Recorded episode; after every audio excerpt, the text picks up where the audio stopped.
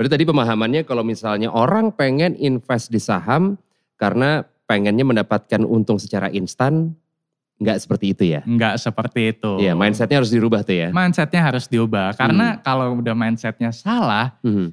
itu pasar saham itu bisa malah akan membuat kita malah rugi.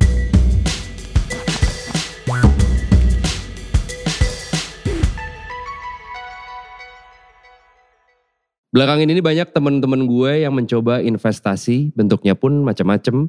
Ada yang beli saham, reksadana, beli emas juga ada. Nggak apa-apa sih dan bagus-bagus aja dibandingin uangnya habis kan mendingan diinvest kan. Tapi kadang-kadang suka salah perhitungan. Nah makanya supaya lu nggak salah perhitungan, gue udah barengan sama Rifan Kurniawan, dikenal sebagai seorang value investor sehari-harinya dan juga merupakan seorang consultant. Bener Rifan ya? Betul, betul. Dengar-dengar nih, di tahun 2021 ini eh, investor pasar modal di Indonesia udah masuk mencapai empat setengah juta dan belakangan dominasinya adalah milenial. Bener? Betul. Jadi memang tahun 2020 itu adalah Hmm. salah satu tahun di mana jumlah investor bertambah Hmm. paling besar dibandingkan dengan tahun-tahun sebelumnya. Drastis ya. Cukup drastis. Wah, ini berarti kan kalau milenial ya kita-kita juga dong berarti harusnya yang invest. Sebelum gua akan lanjutin, follow kita di Spotify, MLD Podcast, di Instagram juga MLD Spot, dan YouTube channel kita MLD Spot TV.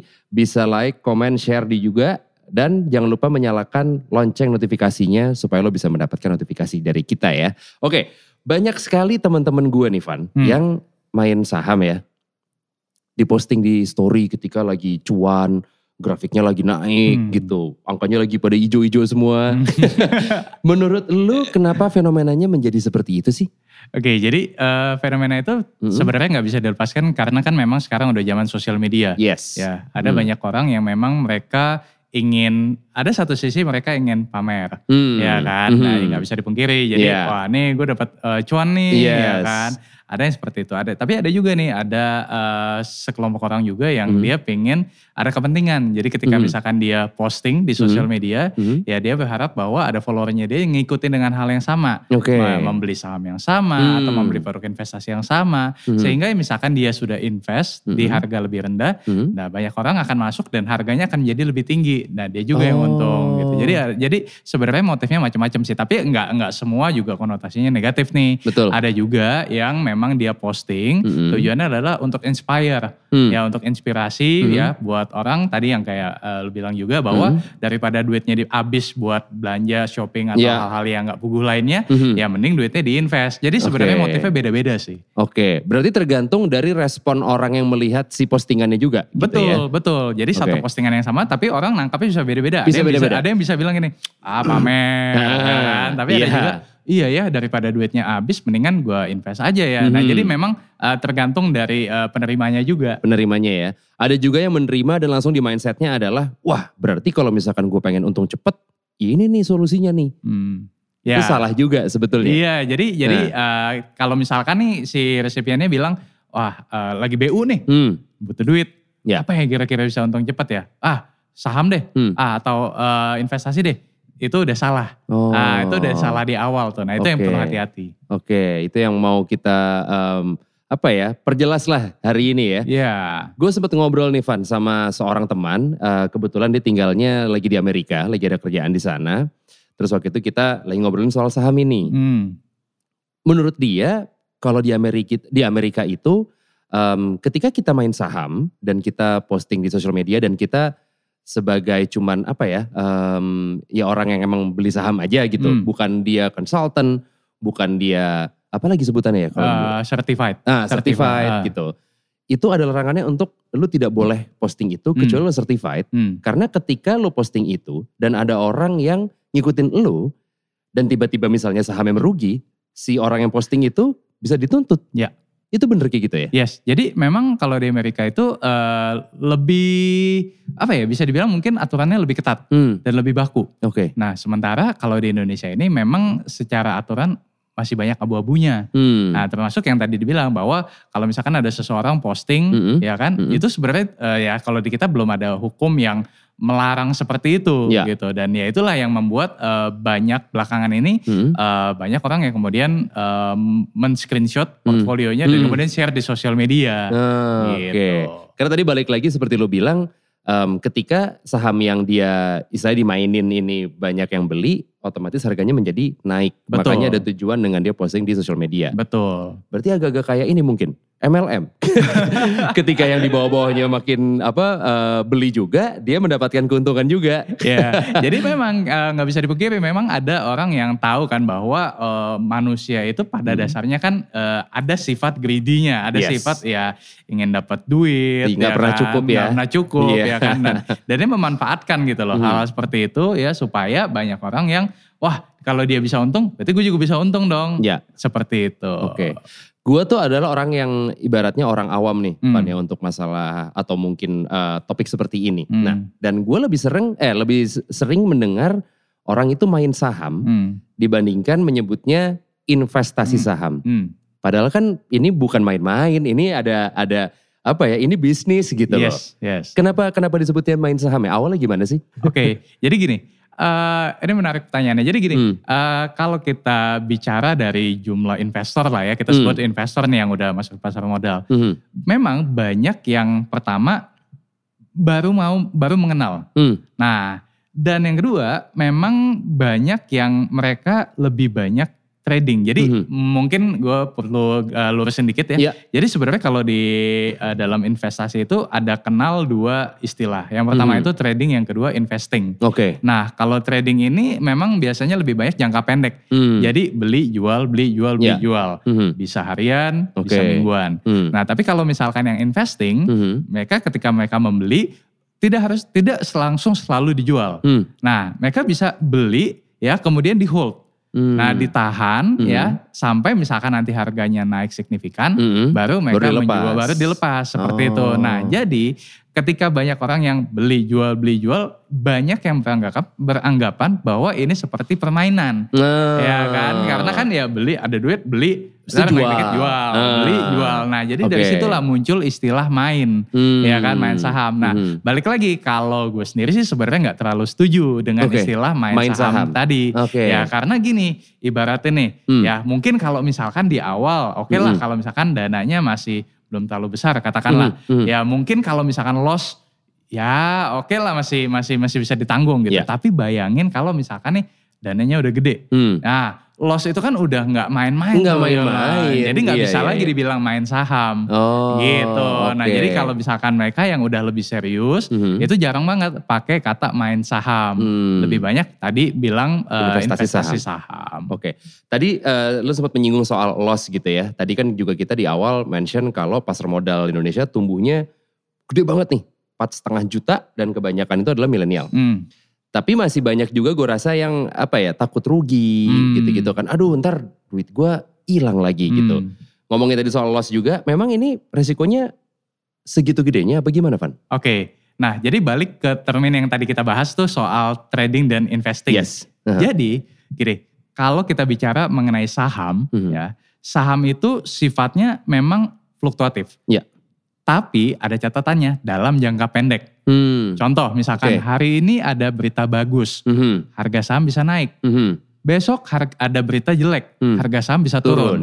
Nah, setiap Naik hari turun tergantung naik- tuh ya? Iya, Oke. ya kan. Jadi bisa naik, bisa turun, bisa naik, bisa turun, Mhm. ya kan. Nah, makanya kenapa kalau misalkan dalam jangka pendek, Mhm. ya risiko itu akan meningkat. Hmm. Tapi saham itu kalau dalam jangka panjang, Mhm. ya dia akan bergerak sesuai dengan kalau kita sebutnya adalah fundamental perusahaannya. Hmm. Jadi kalau misalkan nih perusahaan ini bagus, Mhm. labanya bertumbuh, Iya. hutangnya kecil, Hmm. Harga saham itu akan meningkat akan meningkat eh, apa namanya sesuai dengan fundamental perusahaannya. Oke. Labanya bertumbuh ya harga sahamnya akan bertumbuh juga. Hmm. Tapi di apa di dalam jangka pendeknya itu akan Hmm. ada tadi naik turun naik turunnya tadi. Hmm. Nah, jadi kenapa banyak orang yang tadi merugi? Iya. Karena pertama, mereka biasanya eh, lebih ke tadi main jangka pendek Jadi maunya instan. maunya instan Ah, ya kan. oke. Nah ngelihat wah si teman gue beli naik, ah gue ikutan beli deh. Heeh. Eh begitu misalkan Kok sore turun kemudian nih? Ya. Turun, nah dia jadi panik tuh. Iya. Gua jual kali ya sekarang ya nah, gitu. itu, ya kan jadi Oh. akhirnya dia jual dan kemudian merugi. Hmm. Tapi kalau misalkan investor ketika mereka eh, tahu eh, perusahaan apa yang mereka beli gitu ya, Aha. eh, mau harga turun dia nggak akan lepas. Kenapa? Oke. Justru di mindset dia, wah ini barang bagus, Hmm. tapi lagi dikasih harga diskon. Hmm. Nah jadi mindsetnya udah beda Oh, nih. Ya kayak kita deh, misalkan ada ada naksir satu baju, Ya. bajunya di harga apa dikasih harga lebih murah, Hmm.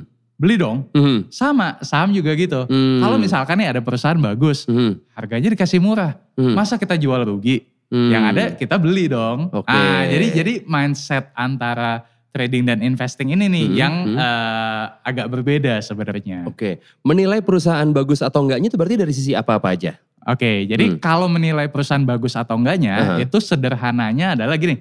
Kita bisa lihat pertama dari laporan keuangan. Oke. Nah, jadi kan yang kita beli Yang di mana kita bisa akses tuh ya? Bisa, Oke. karena kan mereka sudah eh, menjadi perusahaan terbuka. TBK, nah, betul. perusahaan TBK itu Mm-mm. wajib untuk mempublish laporan keuangannya dan Ya. kita nih Mm-mm. itu bisa lihat laporan keuangannya secara terbuka. Ini perusahaan rugi, ini perusahaan untung, itu kita Mm. bisa lihat semuanya. Utangnya gede itu kita bisa Oke. lihat. Nah, jadi kita bisa lihat itu dari laporan keuangannya. Apa Hmm. aja yang dilihat? Hmm. Pertama pastinya adalah profitabilitasnya. Ya. Ya kan, kalau misalkan nih tahun ini profitnya 100 miliar, eh tahun depan profitnya 50 miliar. Udah pasti kita tahu ini perusahaan turun, Turun. nih, ya kan. Mhm. Tapi kalau misalkan tahun ini 100 miliar, tahun depan 120 miliar, Aha. tahun lagi 140 miliar. Nah itu kan kita bisa Naik. tahu tuh perusahaan Iya. itu bertumbuh. Yes. Nah paling sim- paling simple dari Itu situ. ya.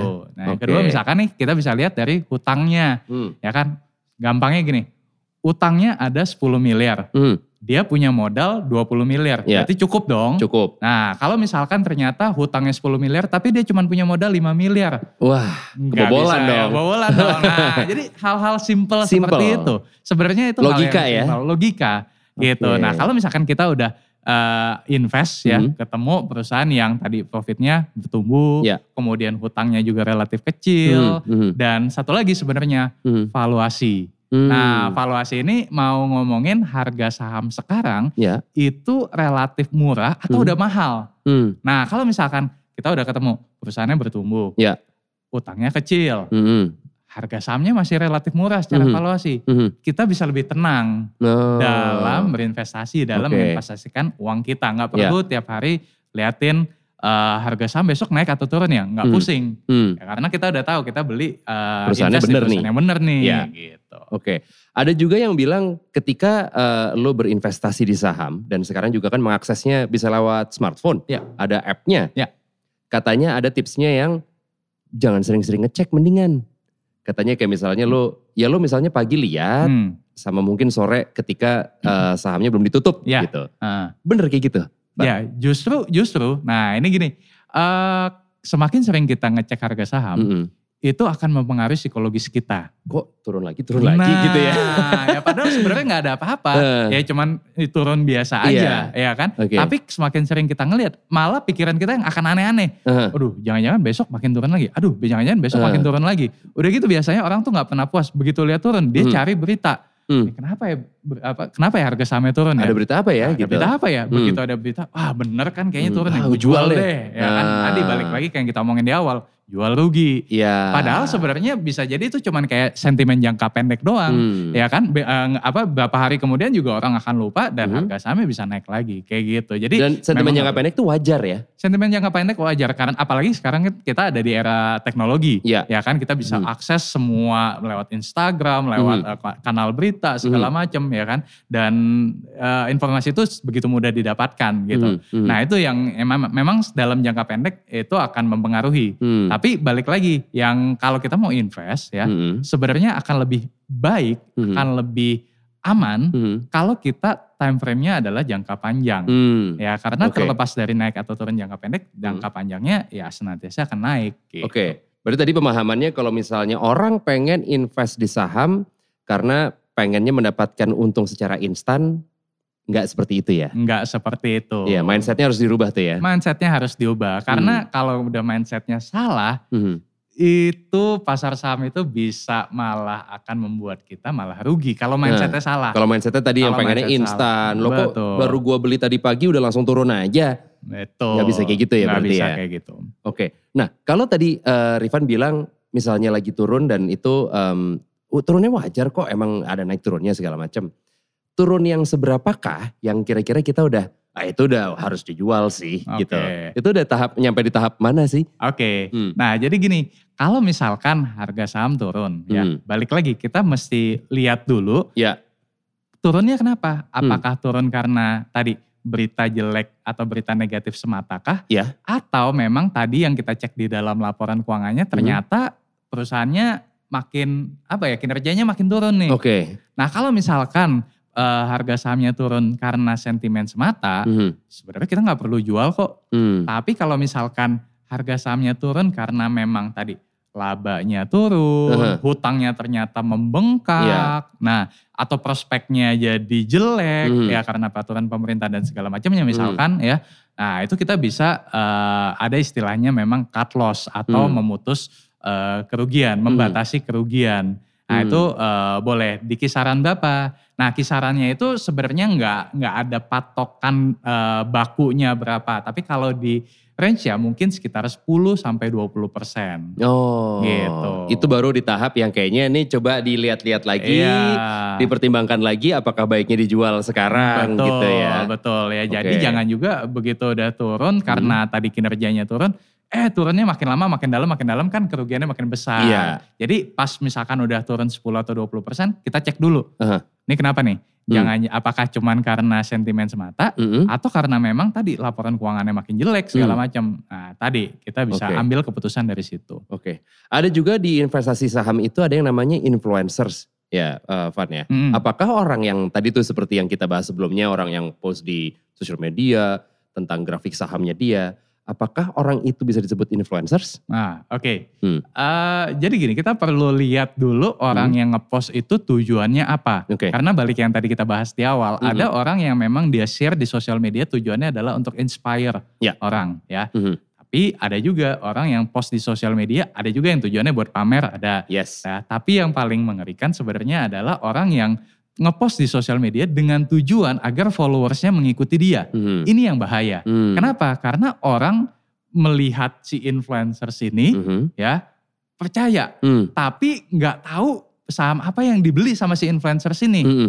ya Hmm. kan? Beli kucing dalam karung nih Beli jadinya. kucing dalam karung jadinya. nah, itu yang sebenarnya yang paling bahaya. Nah. Ya, jadi kita sebagai orang yang kalau misalkan kita ngelihat ada influencer yang ngepost ya, Mhm. oke, sisi positifnya kita tahu bahwa tadi duit kita daripada dipakai buat belanja dan segala Yes, macam ya kita invest. investasikan. Ya. Tapi juga jangan beli kucing dalam karung. Kita lihat Background check dulu. background check dulu Aha. perusahaan dia uh, perusahaan yang dia beli apa nih Apa? ya kan Mhm. kemudian abis itu kita cek laporan keuangannya sekarang Mhm. simple kok di apa di websitenya IDX ya idx.co.id atau di website perusahaannya kita bisa Udah ada semua tuh udah ya? ada semuanya di situ simple nggak usah ribet-ribet ya Eh, apa namanya butuh eh, cek yang mendalam banget ya Mhm, kalau buat mhm. di awal belum perlu Mhm. ya sesimpel itu yang tadi kita bicarain Hmm. labanya gimana utangnya gimana segitu aja dulu Oke. ah Soalnya banyak orang yang kayaknya menjadi apa ya, menjadi tertarik untuk kayak mendalami atau belajar eh, literasi keuangan dengan melihat influencers tadi gitu. iya Padahal sebetulnya kan krusial nih ya, ketika ngomongin soal investment, eh, yang tadi poin-poin yang diomongin sama eh, Rifan juga sebenarnya kan krusial, tapi apa ya, kita tidak pernah mendapatkan pengetahuan itu dalam pendidikan yang formal, misalkan di sekolah Ya. atau di kampus gitu. Ya. Gua sarjana ekonomi, gue tidak mendapatkan yang tadi kita obrolin barusan, Van. sama Sama bahkan. sama Menurut lo kenapa? Kenapa tidak ada poin itu? Kenapa ada ada apa ya missing linknya gitu iya di iya pendidikan formal? Iya, jadi memang eh, pendidikan seperti misalkan investasi, bahkan Hmm. ya entrepreneur juga nggak nggak nggak nggak nggak nggak bisa kita dapatkan di Nggak bisa. kuliah karena Nggak memang bisa. karena memang apa ya eh, eh, sistem pendidikan di bangku kuliah kita tuh Mm-mm. di Indonesia ya Mhm. kayaknya masih agak-agak teoritis sebenarnya Hmm. gitu. Jadi memang setuju sih ada missing link, ada Mhm. gap Mm-mm. ya antara dunia edukasi, ya, dunia apa namanya pendidikan Mhm. dengan dunia nyata Iya, gitu. prakteknya, gitu Prakteknya, ya. ya. Aha. Memang kayak kayak kayak gue sendiri ya. Mhm. eh, ketika misalkan belajar tentang investasi saham, Mhm. Itu 100 hampir 100% itu didapatkan dari buku, Mhm. dari seminar, Mhm. dari ikut kelas-kelas. Mhm. Jadi yang memang tidak didapatkan di bangku sekolah, atau Sekolah. bangku kuliah Iya. gitu. Jadi memang ya kita cari cari, Cari sendiri. seperti itu. Oke, berarti kalau itu lebih ke sistem pembelajarannya ya. Memang memang mungkin lebih banyak teorinya dibandingin eh, prakteknya gitu. Sistem Betul. yang masih berjalan sekarang. Betul. Em, di mana ya kalau tadi kita ngomongin poin-poin yang tadi kita bahas itu udah semuanya praktek Hmm, di lapangan. iya. Kasarnya itu gitu lah praktek, ya. Iya, kalau dalam investasi tuh teori mungkin hanya pegang 20% mungkin. Berarti isinya apa insting? Isi, enggak, isinya adalah kita praktek, kita Aha. latihan, Oh, ya oke. kan? Karena karena tadi begitu kita melihat laporan keuangan, Mhm, ya kan? mhm. Oke, kita tahu teorinya begini begini begini, Yes. ya. Hmm. Tapi dal- kalau misalkan itu tidak dibiasakan, ya kan? nggak akan terlatih otak kita. Hmm. Nah, tapi semakin sering kita praktek, semakin kita sering lihat baca laporan keuangan, semakin sering kita baca ada namanya laporan tahunan atau Hmm. annual report gitu ya. Eh, ada ada unsur insting juga sih. Hmm. Jadi insting kita nih makin lama makin terasa Oke. gitu. Oke ya karena emang melakukan setiap hari Iya, gitu ya. betul. Sering baca berita itu juga penting ya. Penting. Nah, Hmm. itu eh, apa namanya kalau misalkan laporan keuangan itu kan kita ngelihat historical. Yes. Ya kan, tapi Ke depannya. ke depannya bakal ngapain nih? Hmm. Nah, itu kan kita bisa dapetin dari salah satunya adalah dari berita. Iya. Oke, si perusahaan A nih dia mau ekspansi, Mhm. bangun gudang, ya Mhm. kan? Atau dia mau ekspor Mau sekarang. merger sama perusahaan mau B. merger sama perusahaan B. Heeh. Nah, itu kan eh, hal-hal yang mungkin kita bisa belum bisa lihat di dalam laporan keuangan dan Yes. itu kita bisa dapatkan dari berita. Oke. Tapi tanggapan lu sendiri Van, tanggapan pribadi ya dengan Hmm. banyaknya tadi influencers yang mungkin em, secara background mungkin dia belum apa ya, belum mumpuni Hmm. untuk merekomendasikan saham ke orang. Tapi ya karena sosial media segampang itu Hmm. untuk bisa dilihat sama followersnya, Hmm. akhirnya ya dia posting-posting aja gitu. Hmm. Pendapat lu sendiri dengan fenomena seperti ini gimana? Oke, jadi eh balik lagi kalau dari sisi influencersnya ya Hmm. sebenarnya itu hak hak dia juga. Terserah Nah, dia ya, ya. ya, itu kan Akun-akun dia. akun-akun gitu dia ya Iya. kan gue mau ngepost apa juga ya bebas-bebas gue, aja iya. gitu kan. Cuman memang di sini yang perlu di eh, edukasi lebih eh, dalam adalah dari sisi si eh, followersnya Mm-mm. yang tadi kita bahas tuh Mhm. ya. Oke, kalau misalkan kalian lihat eh, follow apa influencers ya kan ngeli eh, ngepost ya saham Mhm. apa ya eh, ambil sisi positifnya. Hmm. Sisi positifnya adalah oke, kalau dia bisa profit Hmm. ya kan atau dia bisa cuan, Hmm. Kenapa dia bisa cuan? Nah, itu yang kita perlu tanya, Hmm. kenapa dia bisa cuan Hmm. ya kan? Apakah di apa yang dia lihat dari perusahaan tersebut? Iya. Ya, jangan Hmm. langsung misalkan gini, oke saya beli perusahaan A, ini harganya naik begini begini begini begini, Hmm. langsung beli perusahaan A. Hmm. Ya karena bisa jadi dia belinya tadi udah di harga bawah, kita dapatnya di harga atas. Nah, itu yang bikin amsyong Nah. ya kan. Tapi yang perlu kita kritisi adalah eh, oke, si A eh, apa namanya bisa dapat profit. Hmm. Yang pasti kita tanya, kenapa dia beli perusahaan itu? Kenapa Hmm. dia beli saham itu? Ya kan, nah, Mhm. jadi kayak kita petik tuh pola pikirnya dia, Hmm. ya kan? Oh Mhm. dia beli karena begini, begini, begini, begini. Iya. Oke, kalau gitu nanti kita akan cari saham lain Mhm. yang sama. Ya Hmm. maksudnya yang yang pola pemikirannya itu sama Oke. gitu. Nah itu Oke. dari sisi si eh, apa namanya influencer dan sisi eh, Followersnya. followersnya, ya Hmm. kan? Hmm. Nah kemudian kalau misalkan dari sisi eh, apa regulator lah. Iya. Nah memang regulator ya dalam hal ini misalkan kayak eh, IDX atau Hmm. OJK ya memang perlu untuk lebih eh, mengayomi ya Hmm. mengayomi para Hmm. influencers ini ya Hmm. kan supaya do and don'ts-nya tuh lebih jelas. Lebih jelas. Ya kan karena balik lagi peran influencers ini memang sangat-sangat penting untuk apa? Untuk ngebuka mata banyak orang yang tadinya gua nggak kepikiran soal investasi, Iya. jadi mau investasi itu udah satu langkah bagus sebenarnya, Mhm. ya kan? Hmm. Tapi begitu masuk, nah ini kan perlu diarahin nih, Iya. ya kan? benar. Jangan sampai masuk ternyata ikut-ikutan ikut-ikutan beli saham kucing dalam karung dia rugi, ya ntar keluar lagi. Iya. Kan kita perlu ingat bahwa kalau ada berita, kalau misalkan ada pengalaman jelek, eh ada pengalaman bagus, orang mungkin akan cerita ke satu atau dua orang. Tapi kalau ada pengalaman jelek, wah, dia bisa cerita ke satu. Sedunia kalau perlu tahu tuh. Wah, nggak bener nih, ya kan Iya, iya, rugi, iya. gue ditipu, Iya, ya iya, kan. iya. Benar, nah, benar. jadi takutnya itu masuk, udah masuk tapi nggak lama keluar lagi. Takutnya jadi bad influence gitu Jadi ya. bad influence gitu Hmm. kan. Padahal pasar sahamnya sendiri ya nggak salah apa-apa. Hmm. Yang menggunakannya yang salah. Hmm, oke. Ngomongin soal uh, investment juga bentuknya bisa macam-macam ya. Tadi kan di awal juga banyak orang yang invest di uh, emas juga, ada reksadana juga gitu Hmm. kan. Banyak juga mungkin uh, teman-teman yang sering dengerin ML di podcast sering apa atau udah invest di perusahaan startup misalkan. Kita ada episode juga waktu itu barengan sama Reza Al-Kadri, barengan juga sama teman startup itu banyak ngebahas total tentang startup tuh waktu itu sama Levino namanya. Mungkin lo belum sempat dengar bisa dicek juga ya. Tapi kalau ngomongin soal um, investor gitu di di akun lo tuh Van, Hmm. tertulis lo adalah value investor. hmm. Ini uh, bedanya apa sama investor yang biasa? Oke, jadi kalau dalam pasar modal Hmm. ya, eh, terutama dalam investasi saham itu Ya. memang ada apa ya? Ibaratnya tuh eh, apa ya? Ibaratnya ku- bukan kubu, apa ya? lebih ke jurus-jurusnya. Oke. Ah, Oke. gitu. Jadi sebenarnya kalau dibagi menjadi dua ya Mhm. tadi ada yang investing jangka panjang, ada Yes. yang in- eh, trading jangka pendek. Ya. Nah kalau gue lebih ke investing jangka panjang. Jangka Nah, panjang. investing jangka panjang sendiri juga ada beberapa pendekatannya. Hmm. Nah ada yang namanya value investing, Mhm. ada yang namanya growth investing, Hmm. ada yang namanya dividend investing. Oke. Nah ada juga yang lain tapi basically yang eh, sering dipakai ini tiga ini. Tiga itu ya. Nah kalau Hmm. gue lebih ke value investing. Mhm. Nah jadi value investing itu sebenarnya adalah eh di mana gue mencari perusahaan Mhm. yang kualitasnya bagus, Mhm. ya yang tadi yang kayak tadi kita omongin Iya. yang labanya naik, Iya. utangnya kecil segala macam, Mhm. ya. Eh, tapi valuasinya Mhm. itu masih terdiskon. Oh. Nah, jadi itu yang membedakan Oke. antara eh, value investing dengan yang lainnya. Kalau Hmm. yang lainnya nih, misalkan nih, oke ada perusahaan bagus, ya, tapi harganya udah mahal. Nah, Hmm. dia masih membeli perusahaan tersebut. Hmm. Tapi kalau gua belum belum akan beli Hmm. perusahaan tersebut, meskipun perusahaannya bagus, tapi harganya mahal, Hmm. valuasinya mahal, gua nggak akan beli dulu.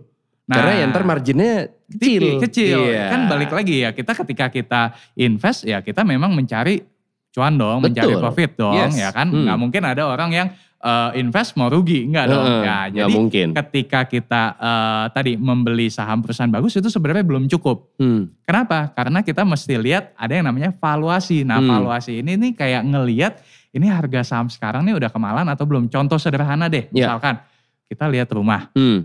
di kisaran ini harganya misalkan 500 juta. Ya. Ada satu rumah harganya 700 juta. Padahal ya? sama-sama aja. Heeh. Kita nggak mau beli dong. Iya. Nah sama ya. Jadi Heeh. kita juga eh, yang kita akan cari mana ya kira-kira rumah yang dijual di eh, bawah 500 juta misalkan. Mhm. Nah sama saham juga sama.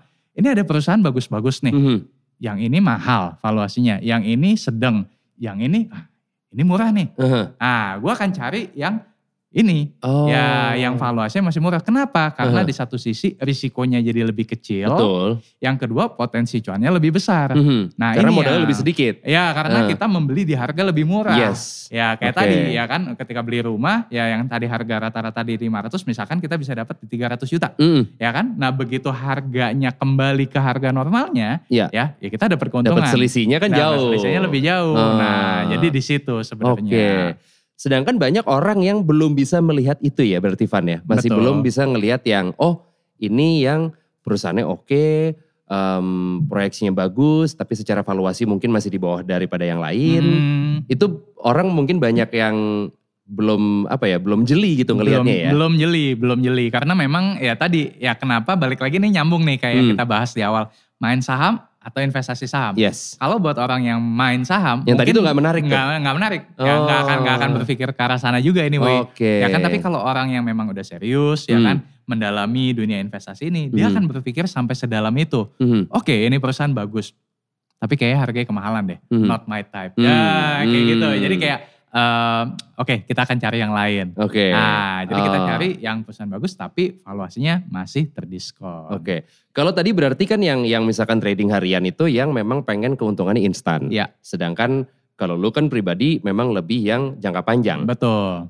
Oke, kalau misalkan yang instan mungkin orang berharapnya ada yang untung satu dalam eh satu atau dua hari gitu Hmm, ya. hmm. Kalau yang jangka panjang kira-kira berapa lama sih kita akan cuan? Oke, jadi eh, kalau di kisarannya ya, Mhm. kisarannya adalah kalau paling jangka pen- eh, paling pendeknya itu kurang lebih satu tahun, Satu tahun? tapi bisa juga bisa sampai 3 sampai 4 tahun. Jadi range-nya Oke. mungkin di antara sekitar 1 sampai 4 tahun lah. Mhm, ya. mhm. Lama banget. Heeh. Nah, tahu pasti arahnya ke sana Iya. tuh. Nah, jadi gini ya, yang kita cari ya, Mhm. balik lagi ketika kita mengorbankan waktu 1 sampai 3 tahun tadi, Mhm.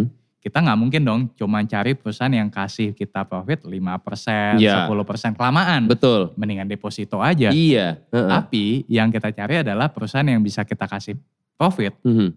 50%, Oh. 100%, 200%. Oh, ya, oke. kita ambil jalan tengahnya deh. Kita ambil nilai tengah misalkan 100% Yes. dalam waktu 3 tahun. Hmm, Berarti satu tahunnya 30%. 30%. Kalau kita bandingin sama deposito, deposito sekarang misalkan 4 sampai 5 Iya. persen. Itu udah 6 tahunnya Jauh. deposito. Jauh. Sama obligasi misalkan, ya 7 sampai 8 persen misalkan. Ya itu udah berarti udah 3 sampai 4 tahun Iya. ya kan. Jadi kan Hmm. sebenarnya apa yang kita tunggu Hmm. ya itu dikompensasi dengan besaran Persenannya. persentase keuntungannya Hmm. gitu. Jadi memang Oke. ini sebenarnya masalah eh, tipe aja. Hmm. Ada yang tipikalnya ah kayaknya saya lebih cocok jangka pendek deh. Hmm. 2% 3% Nggak cukup, apa-apa. nggak apa-apa Nah. ya. Tapi misalkan seminggu bisa dapat, Iya. ya kan. Nah, tapi kalau saya, kalau gue lebih suka eh, tadi daripada eh, apa namanya ngabisin banyak waktu buat jual beli, jual beli, jual Hmm. beli. Itu Hmm. ngomong-ngomong kalau jual beli, jual beli gitu ya. Hmm. Pertama,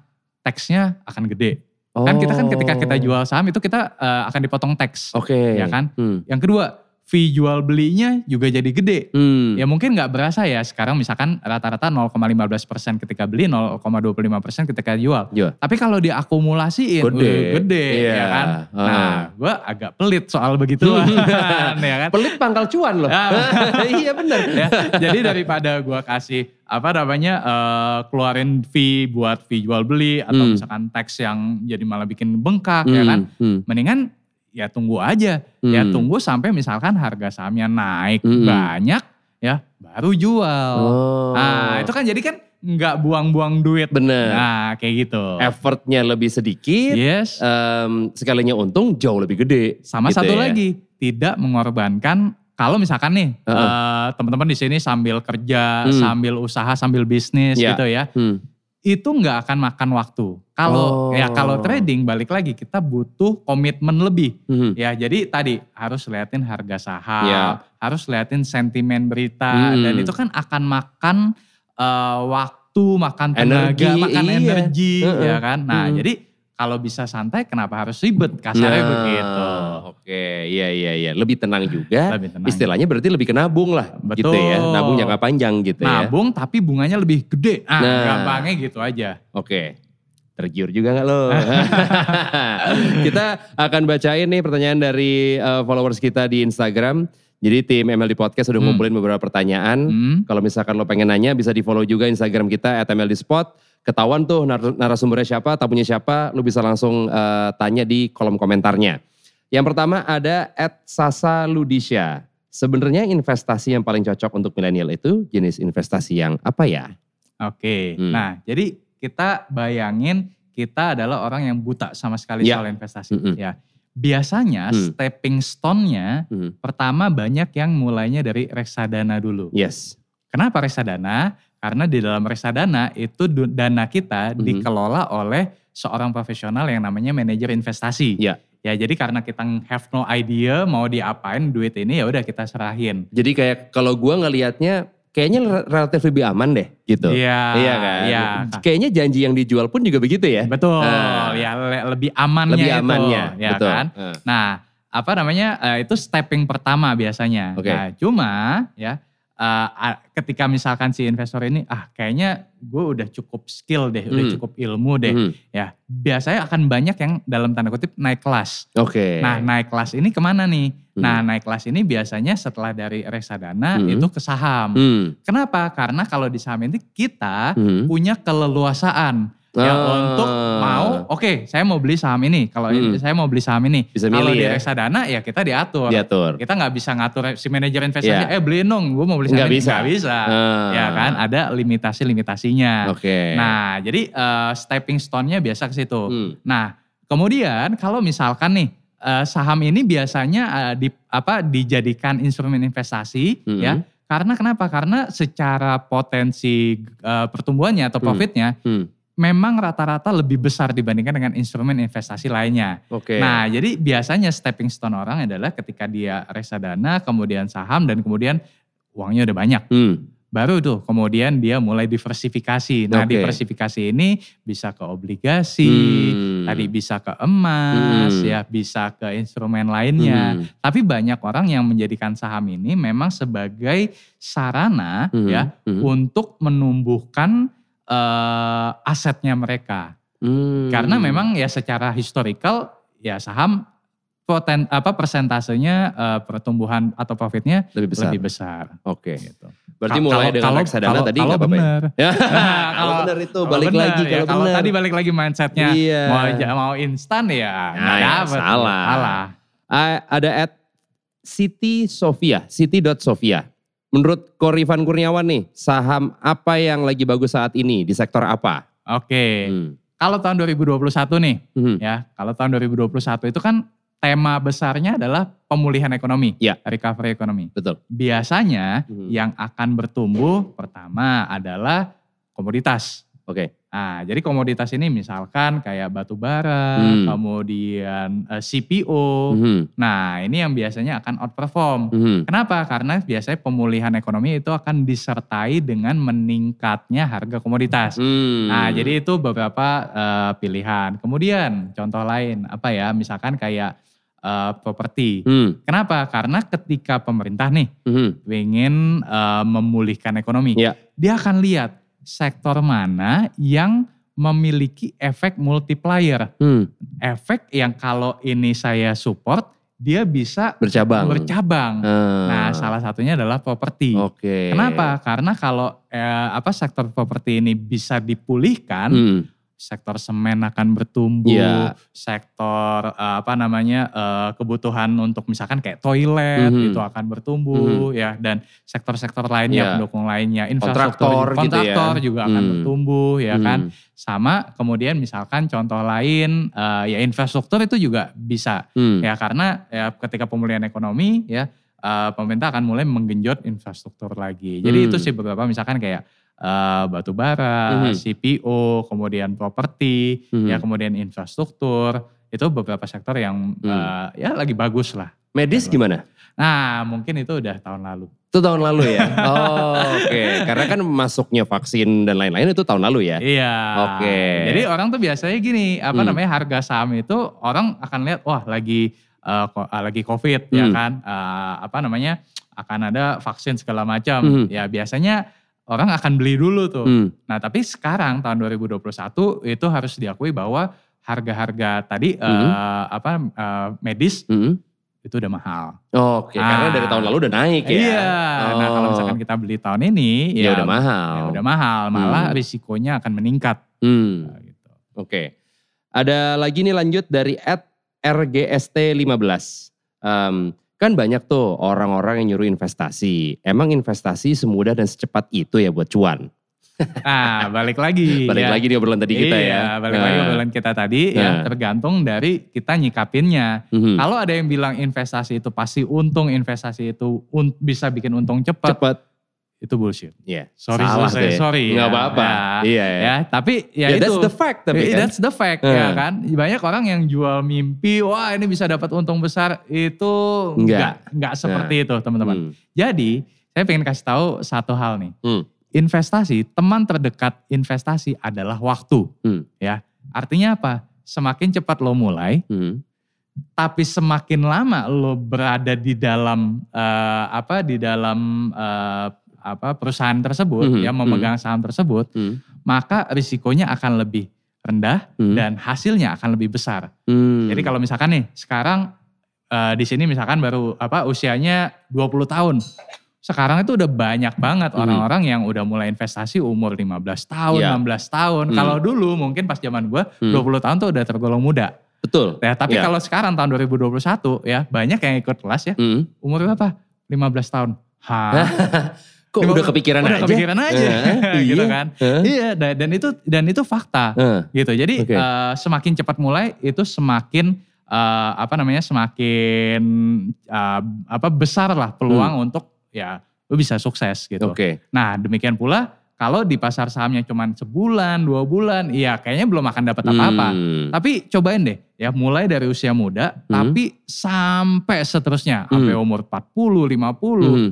Waduh itu bisa jadi milioner itu. Gitu ya? Waduh itu. Jadi jadi dua apa investasi itu benar-benar berteman dekat dengan yang namanya waktu. Waktu Hmm. itu semakin cepat kita mulai tapi semakin lama kita berinvestasi. Hmm. Nah, itu Semakin maksudnya. tahu dalamnya semakin gitu tahu ya. dalamnya. Ah, Nah, seperti Oke. itu. Ada juga dari at itsofa. Katanya dia kan gue masih kuliah. Hmm. Sumber penghasilan cuma dari uang bulanan. Mm-mm. Tapi gue juga pengen punya uang tabungan emergency walaupun uang gue juga tiap bulan nggak banyak. Ada Hmm. tipsnya nggak? Oke, jadi eh, tips pertama sebelum mulai invest memang yang disarankan adalah kita cukupin dulu nih duit eh, Kebutuhan kita. duit kebutuhan kita Hmm. atau kalau eh, biasa disebut misalkan emergency fund. Ya. Hmm. Nah, jadi ketika demo emergency kita fund emergency fund kita udah aman, baru kita mulai invest tuh. Hmm. Karena kenapa? Invest itu memang nggak bisa pakai duit panas. Hmm. Ya, duit Oke. dapur, duit Hmm. kebutuhan. Kenapa? Karena karena tadi bisa jadi ketika kita invest eh harga sahamnya turun dulu. Ya. Malah kita jual rugi, sayang Hmm, ya hmm. kan. Tapi kalau misalkan kita uh, invest pakai duit dingin, Hmm. mau harga saham turun kita nggak pusing. Yes. Nah, jadi itu yang pertama kita perlu uh, susun dulu emergency fund kita. Oke. Ya, kemudian baru abis itu kita invest. Nah, kemudian tadi pertanyaannya adalah Mhm. gimana ngelolanya kan Mhm. duit baru dari uh, apa? Bulanan. Bulanan Ya. ya kan. Hmm. Pertama memang itu apa bisa dari uh, uang dari orang tua Mhm. bulanan. Nah, tapi sekarang apalagi zaman sosial media, zaman Mhm. udah canggih seperti sekarang, Hmm. coba deh cari side hustle. Hmm. Nah, contoh Hmm. nge-YouTube Hmm. jadi freelancer Hmm. ya kan atau apa pun Ya. Nah, itu kan bisa menghasilkan uang. Betul. YouTube bisa kasih AdSense, Iya. ya kan freelance ya kita bisa dapat duit. Benar. Ya kan atau misalkan pekerjaan sampingan apa pun ya, Iya. yang halal apa pun ya itu bisa jadi duit. Itu balik lagi melihat potensi diri sendiri juga sih. Potensi, Bisanya ya. ngapain segala Betul, macam ya. betul. Dari situ kan mungkin ada bercabang kegiatan lain yang mungkin juga bisa menghasilkan cuan gitu Betul, kan. betul. Jadi reseller Iya. misalkan. Nah, itu pokoknya Apa pun apa pun. lah ya. Iya, itu bisa Hmm. jadi uh, apa potensi uh, apa income kita. Iya. Karena hari gini orang kayaknya punya satu job doang kayak udah nggak ada ya. udah pasti multiple job ya. Betul. Gila hari gini Betul. ada bahkan punya kerjaan 4 5 kerjaan Iya, sekaligus. iya, Gila. iya. Apalagi sekarang udah zaman ya itu tadi sosial media apa semua tuh udah dimudahkan Iya. sebenarnya. Mhm, Oke. Em, yang terakhir nih dari at Fox Pop UI katanya gimana Korifan ngelihat fenomena pom-pom saham yang mulai rame lagi belakangan. Pom-pom saham itu apa ya? Oke, jadi pom-pom saham itu gini. Gue beli saham A loh Hmm. ya dan dalam waktu satu minggu Hmm. udah bisa menghasilkan keuntungan 50%. Wah. Itu namanya pom-pom Oh saham. gitu. Kenapa? Eh, Pertama, yang dia tonjolin itu adalah cuannya. cuannya. Yang kedua, dia Hmm. tidak menceritakan prosesnya. Oke. Jadi Eh, dia memanfaatkan tadi balik lagi greedy-nya Hmm. manusia mhm. ngelihat angka 50% dalam satu minggu itu udah bikin kayak Wah. wah tergiur pasti tergiur, dong, ya iya. kan. Wah, mau juga dong Hmm. ya kan. Nah, itu yang namanya pom-pom saham. Hmm. Tapi kalau misalkan gini. Oke guys, saya baru dapat profit 100%. Ya. Proses perjalanannya nggak mudah.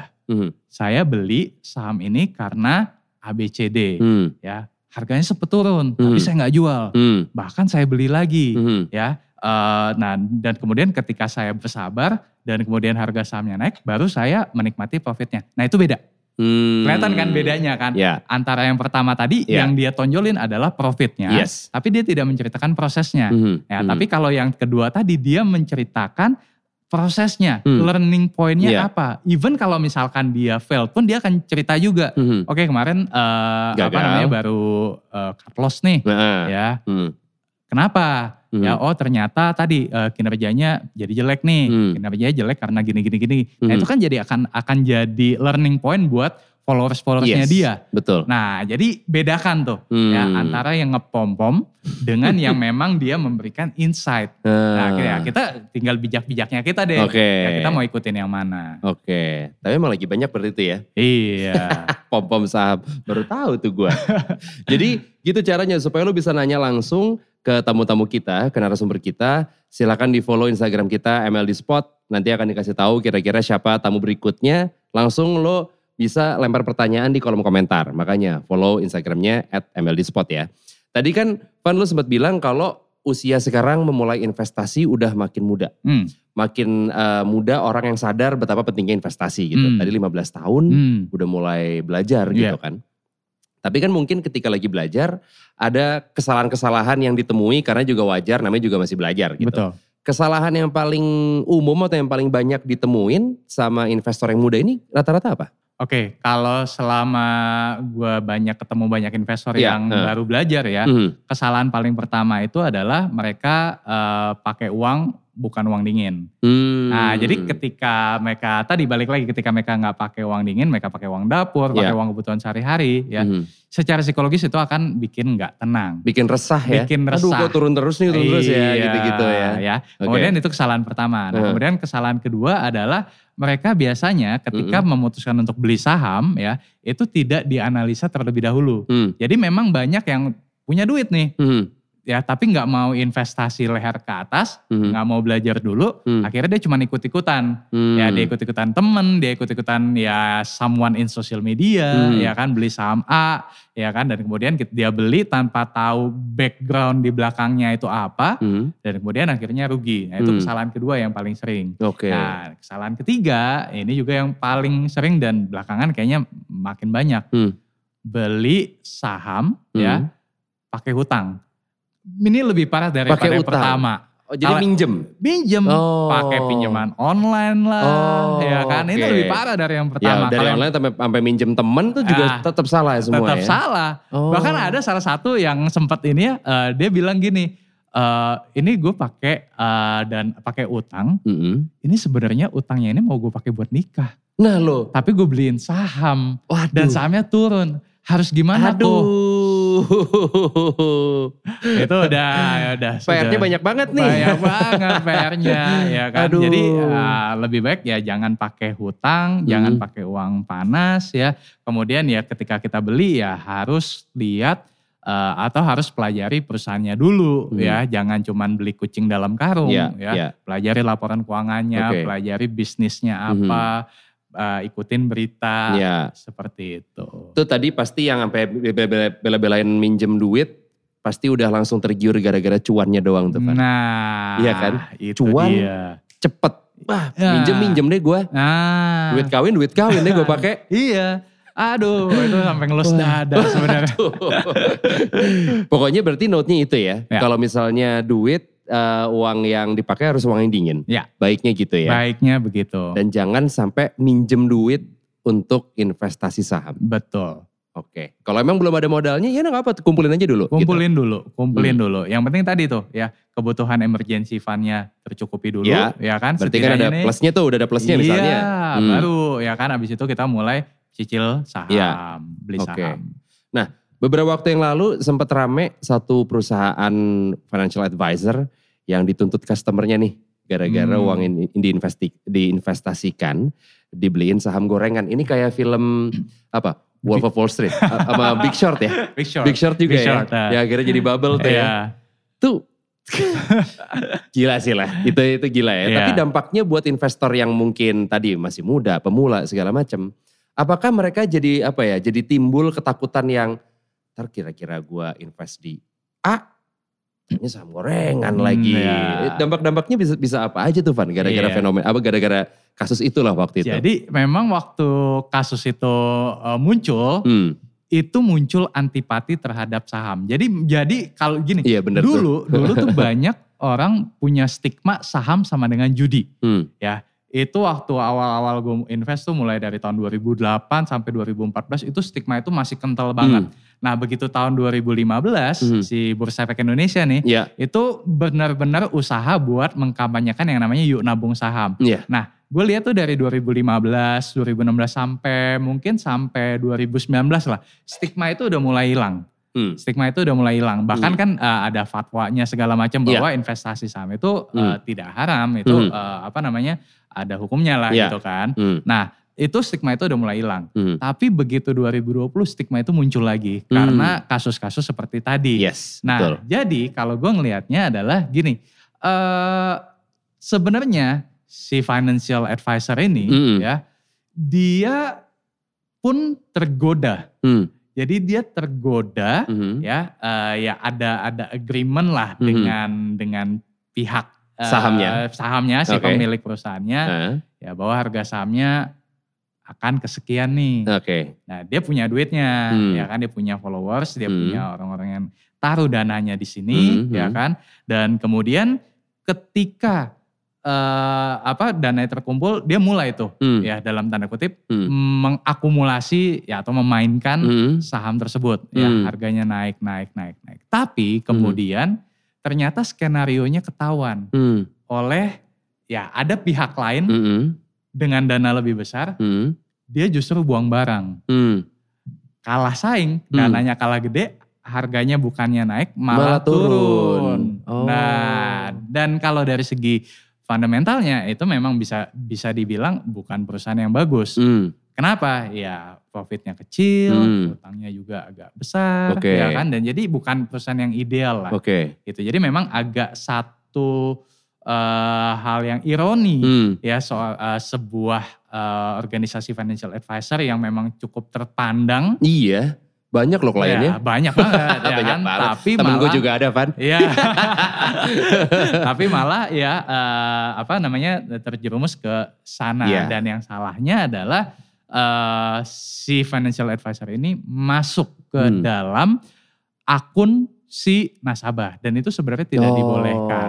Karena kan itu sifatnya adalah privacy Yes. dan itu sebenarnya tidak dibolehkan. Hmm. Jadi misalkan gini nih, gua masuk ke eh, akunnya Rio. Iya. Itu sebenarnya udah nggak boleh. Udah nggak boleh. Udah nggak boleh. Mhm. Ya, yang boleh masuk ke akunnya Rio itu cuma Rio doang. Yes. Gitu. Ya, nah, Padahal yang- ada terms and condition yang disetujui di awal ya. Ya Iya. berarti dia melanggar itu ya. Iya, betul. Oh, Oke. Gitu dia.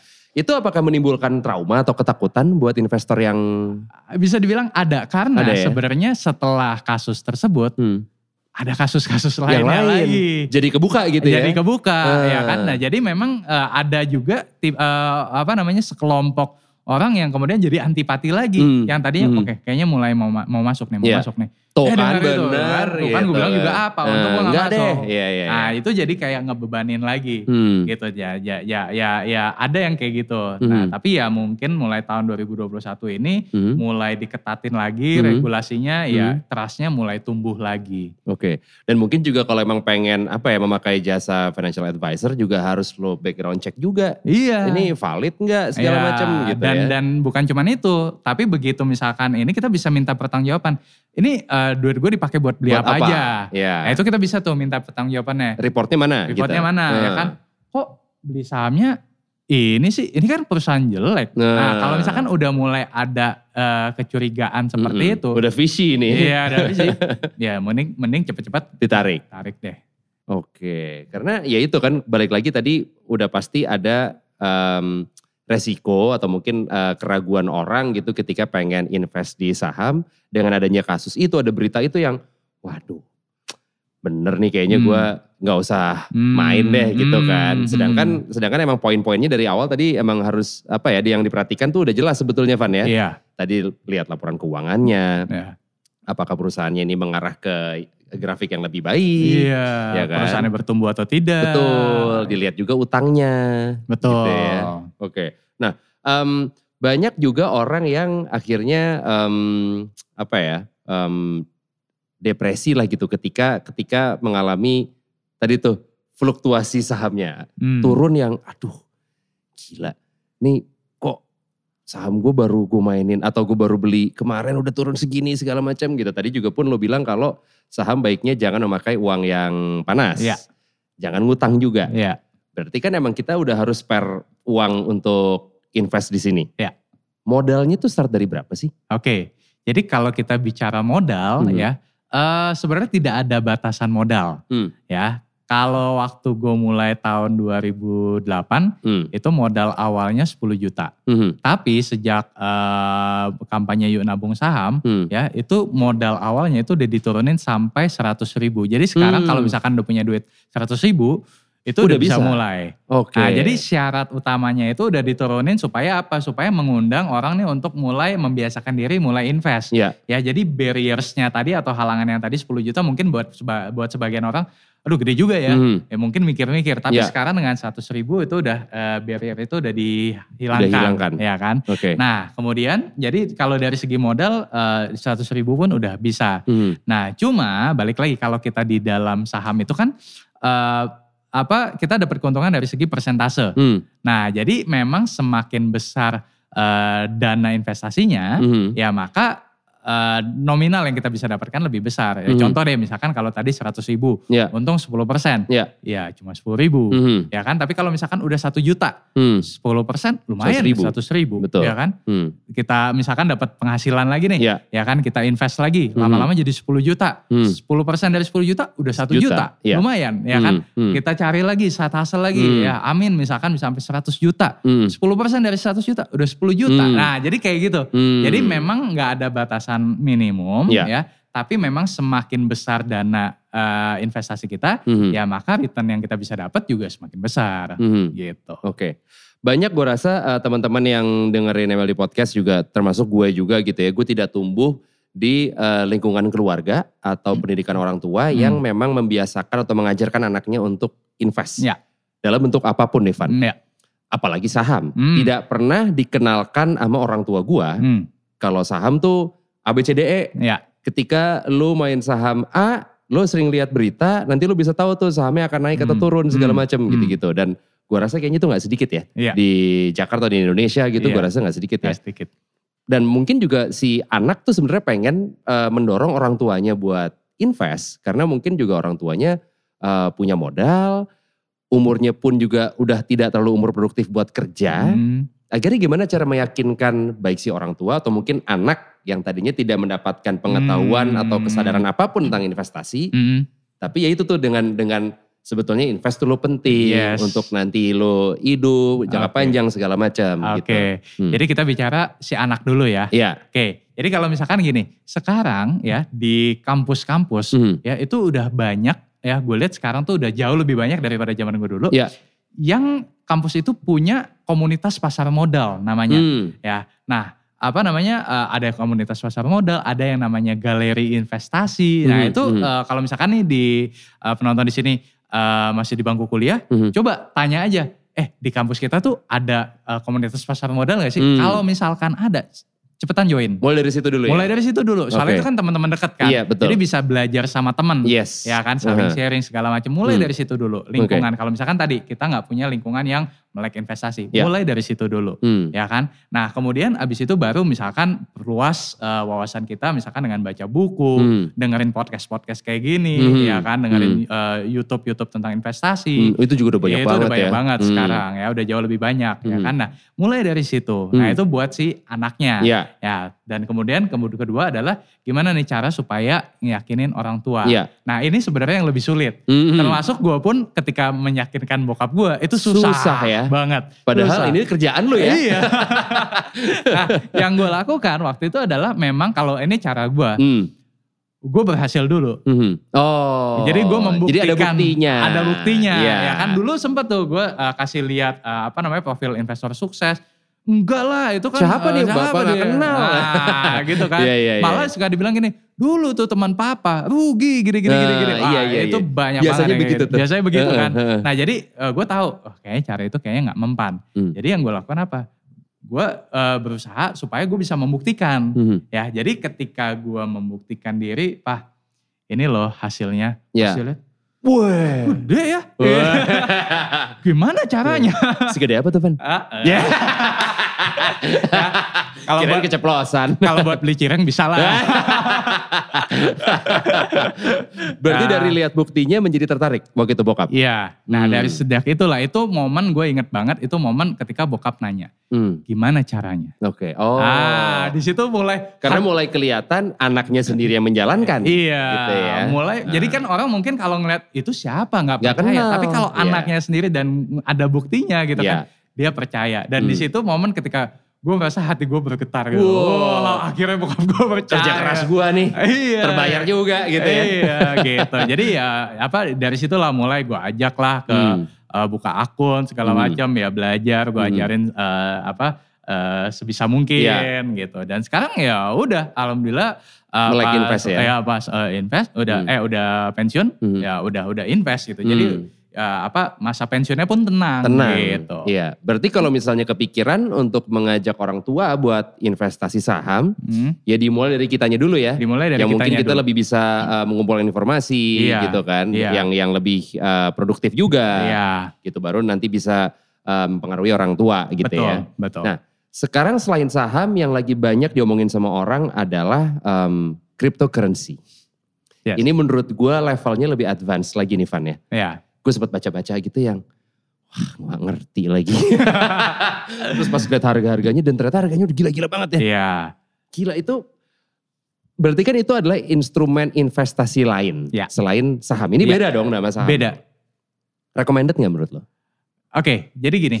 eh kita lihat kalau gue gini, kalau gue lebih Hmm. menyarankan kalau ditanya recommended atau tidak, Hmm. ya. Kalau mungkin banyak orang akan kasih lihat potensi cuannya. Hmm. Tapi kalau gue pengen kasih lihat selain potensi cuannya, lo juga lihat risikonya. Mhm. Kalau dilihat dari potensi risikonya, Mhm. ya cryptocurrency itu lebih gede juga. Hmm. Memang dia apa perlu diakui bahwa potensi cuannya besar, Ya. ya, tapi potensi lossnya juga lebih Gede besar. ya. Kenapa? Karena Oke. gini, kalau sekarang nih per kita podcast, Ya. kalau di bursa saham, di bursa efek Indonesia saham, ya Mhm. penurunan harga saham satu hari Hmm. itu dibatasin di maksimal 7%.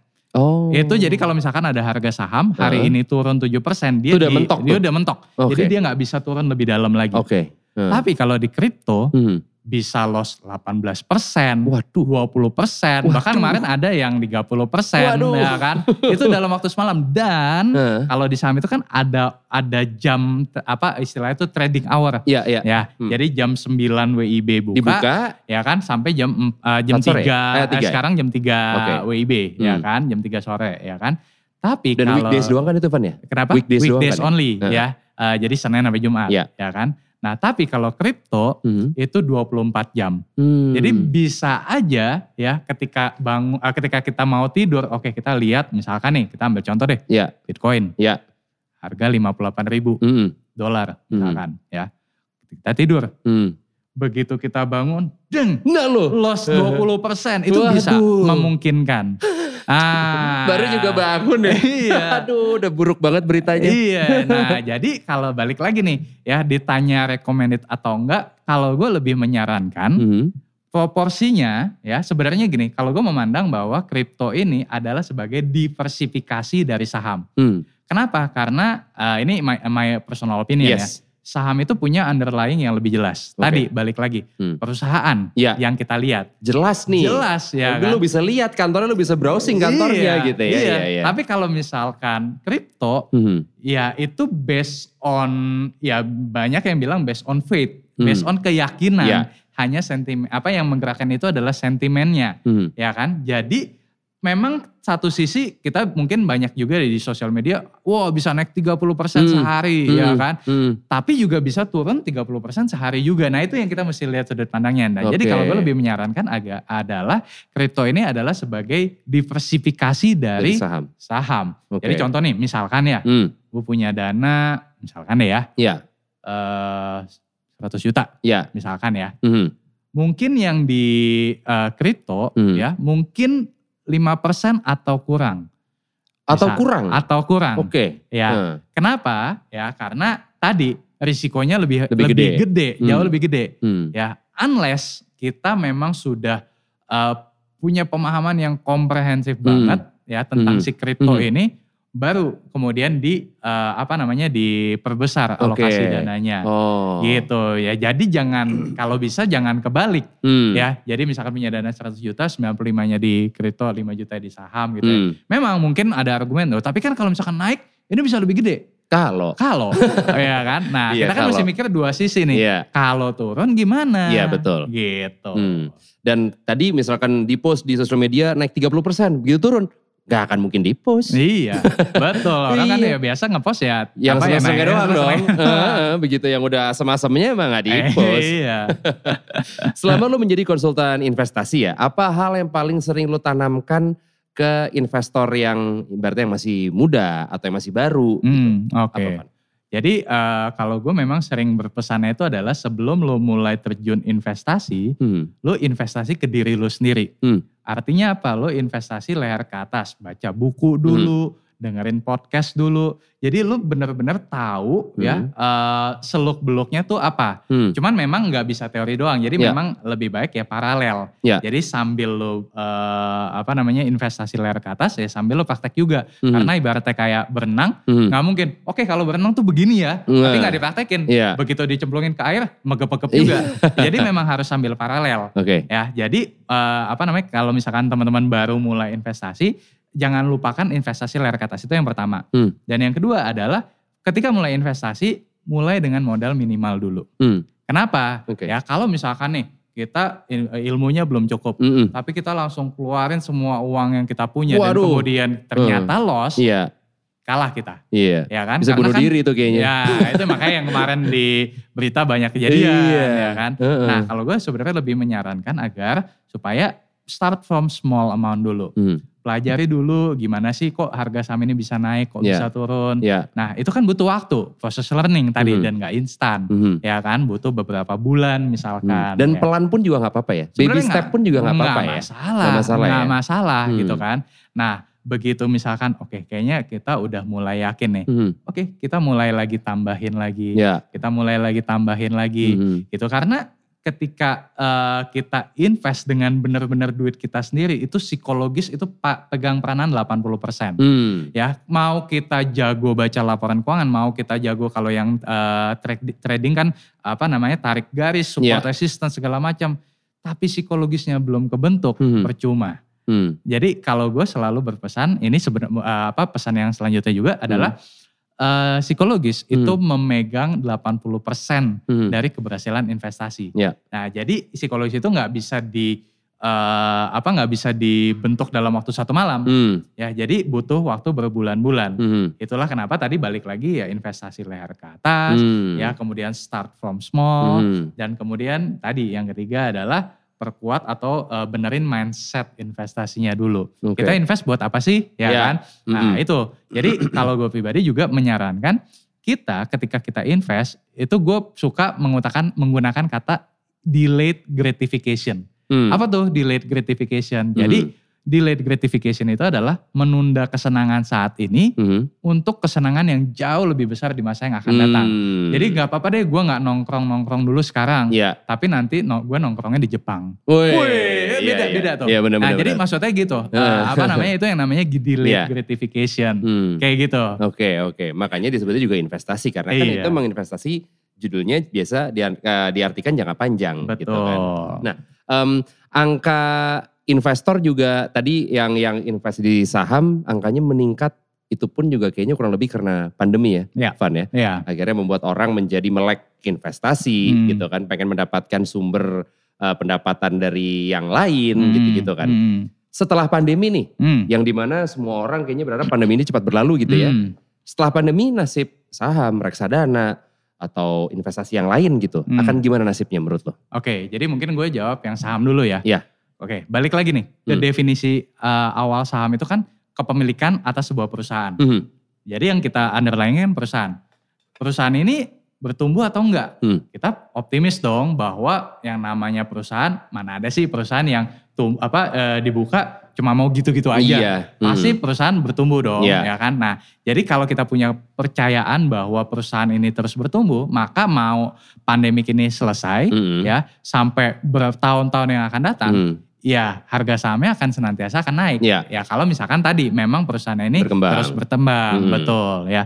Kalau soal eh, apa namanya reksadana pun Hmm. juga sama ya. Oke. Nah kalau misalkan obligasi, Hmm. nah obligasi ini kan sifatnya dia adalah fixed Mhm. return, Iya. ya kan. Nah jadi obligasi ini juga sebenarnya salah satu instrumen yang gue juga rekomendasikan. Mhm. Kenapa? Karena gini, kayak tahun 2020 lalu, Mhm. ya ketika misalkan harga saham turun, obligasi ini yang tetap perform. Hmm. Kenapa? Karena sifatnya fixed return. Hmm. Ya kan, jadi misalkan ada saham yang turun 10%, 20%, tapi reksadana, eh sorry, eh, obligasi, Hmm. ya tetap bisa kasih kita return 6, 7, Hmm. 8, 9%. Oke. Gitu, jadi tetap eh, apa kalau gue nyaranin teman-teman eh, apa ketika investasi, Hmm. satu saham, Hmm. ya kemudian ya instrumen lain yang kasih fixed return. Hmm. Karena Hmm. ini yang bisa menjaga kalau si sahamnya ini kenapa-napa Kenapa-napa. gitu. Oke. Kemudian kalau contoh lain misalkan kayak emas deh ya. Ya. emas pun sebenarnya masih oke. Hmm. Ya, cuma memang emas ini punya tendensi Hmm. untuk naik kalau misalkan ekonomi lagi memburuk. Hmm. Kayak tahun 2020 lalu Ya. emas jadi primadona. Mhm. Ya karena kan ekonomi memburuk. Mhm. Eh, emas sebagai safe haven jadi orang beralih ke emas. Ya. Ya, tapi kalau dalam kondisi normal ya mungkin pertumbuhannya akan slow-slow aja Hmm. gitu. Tapi jadi bertumbuh ya. tapi tetap bertumbuh Oke. gitu. Jadi memang agak berbeda dengan saham. Saham ini kan kalau akan bertumbuh kalau ekonominya tumbuh. Yes. Ya, tapi Hmm. memang akan turun kalau ekonominya Turun jadi- juga. jadi turun juga Iya. gitu. Jadi kenali eh, karakteristik dari masing-masing instrumen investasi. Oke. Nah, em, itu dia obrolan gua sama Rifan Kurniawan. Balik lagi kalau misalnya lo pengen invest, pahami dulu. Tadi juga Rifan bilang kalau misalnya mindsetnya adalah investasi itu adalah mendapatkan cuan dalam waktu yang cepat, itu salah ya Van ya. Betul. Dan kalau masih bingung juga kira-kira investasi mana yang gue cocok, silahkan kontak Rifan Kurniawan aja. Bisa dicek di Instagramnya kok ya. Iya, thank you. Thank you banget Van. Eh, gue ingetin lagi untuk lo follow kita di Spotify, MLD Podcast. Terus YouTube kita juga MLD Spot TV. Bisa like, comment, share. Jangan lupa untuk menyalakan lonceng notifikasinya. Subscribe juga ya.